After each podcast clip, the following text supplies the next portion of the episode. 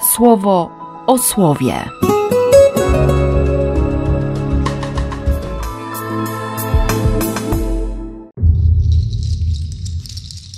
7 grudnia, wtorek. Z księgi Izajasza. Pocieszcie, pocieszcie mój lud, mówi Bóg. Przemówcie kapłani do serca Jeruzalem, dodajcie mu otuchy. Jego bowiem upokorzenie dopełniło się, jego grzech został odpuszczony. Przyjęło ono z ręki Pana podwójną zapłatę za swe uchybienia. Oto głos nawołującego na pustkowiu – Przygotujcie drogę Pana, wyrównajcie ścieżki naszemu Bogu. Niech zostanie wyrównany każdy wybój, każda góra i wzniesienie obniżone, wszystkie ostre zakręty mają zostać zaokrąglone, skalne pęknięcia zatkane. I wtedy ukaże się chwała Pana. Wszystko, co cielesne, będzie mogło zobaczyć nadchodzące od Boga ocalenie. Tak bowiem Pan orzekł. A oto głos kogoś wołającego: Obwieszczaj donośnie Zapytałem, co mam obwieszczać? Wszelkie ciało jest jak trawa, a cała chwała człowieka jak kwiat na ugorze. Trawa wysycha, a kwiat opada. To natomiast, co nasz Bóg orzekł, trwa na wieki. Wejdź na wysoką górę, ty, co Syjonowi masz głosić dobrą nowinę. Z całej siły natęż swój głos, który masz przekazać Jeruzalem pomyślną wieść. Stańcie wysoko, nie bójcie się. Ogłoś miastom Judy, oto Bóg wasz. Oto Pan się zbliża ze swą potęgą. Oto z władzą Jego ramię. Oto Jego nagroda z nim idzie, a Jego wysłannik przed nim. On jest jak pasterz, który pasie swe stado, swoim ramieniem przygarnia baranki, a niosącym w swym łonie młode dodaje sił. Z Ewangelii według świętego Mateusza. Jak wam się wydaje? Jeśli jakiś człowiek doszedł do posiadania stu owiec i jedna z nich się zabłąkała, to czy nie zostawi na górach dziewięćdziesięciu dziewięciu i nie pójdzie szukać tej zabłąkanej? A gdy mu się uda odnaleźć ją, to zapewniam was, cieszy się nią więcej niż tymi dziewięćdziesięcioma dziewięcioma, które się nie zgubiły. Podobnie nie jest wolą waszego Ojca, tego w niebie, aby zginęło choćby jedno z tych małych. Tu już nie ma obietnic, tu są konkretne polecenia, to jest rozkaz. Pocieszcie mój lud. Przemówcie kapłani do serca Jeruzalem, dodajcie mu otuchy. Tak się od razu zastanawiam, jak wygląda moje przemawianie.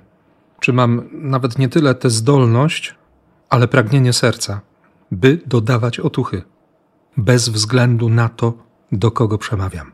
Tym bardziej, że w kolejnym wersecie Bóg mówi: jego upokorzenie się dopełniło, grzech został odpuszczony. Przyjęło podwójną zapłatę za swoje uchybienia. Dodawać otuchy upokorzonym, grzesznikom? No, głos nawołującego na pustkowiu jest konkretny. Przygotujcie drogę. Wyrównajcie.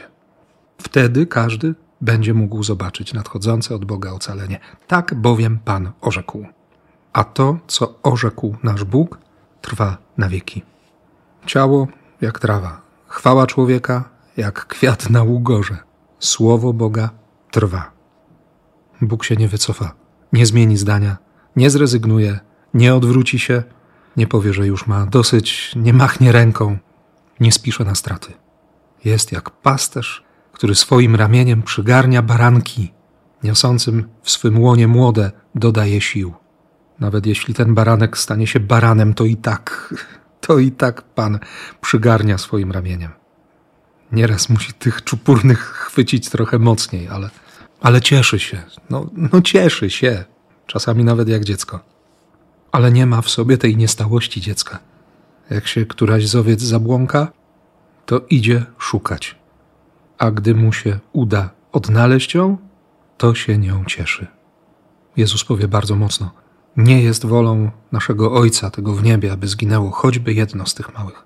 Ten tekst pojawia się w środku odpowiedzi Jezusa, kiedy uczniowie podchodzą, pytają, kto należy do większych w Królestwie Niebieskim. Bo była dopiero co akcja z dwudrachmą, z tym problemem, czy płacić, czy nie płacić, z tymi rozmowami, bo faryzeusze, bo uczeni w prawie, bo starsi. I w końcu w uczniach też się pojawia taki zgrzyt, takie zastanawianie się, nie? Kto jest bliżej, kto jest większy? Ci, co są bliżej, tak bardzo realnie, co mają na wyciągnięcie ręki świątynię, co zgłębiają słowo, mają w małym palcu Talmud, nie mówiąc o, o Torze, o pismach czy o prorokach. Kto jest większy? Czy oni? Niektórzy wzięci od pługa, właściwie od ryb, niektórzy z marginesu albo w ogóle spoza marginesu.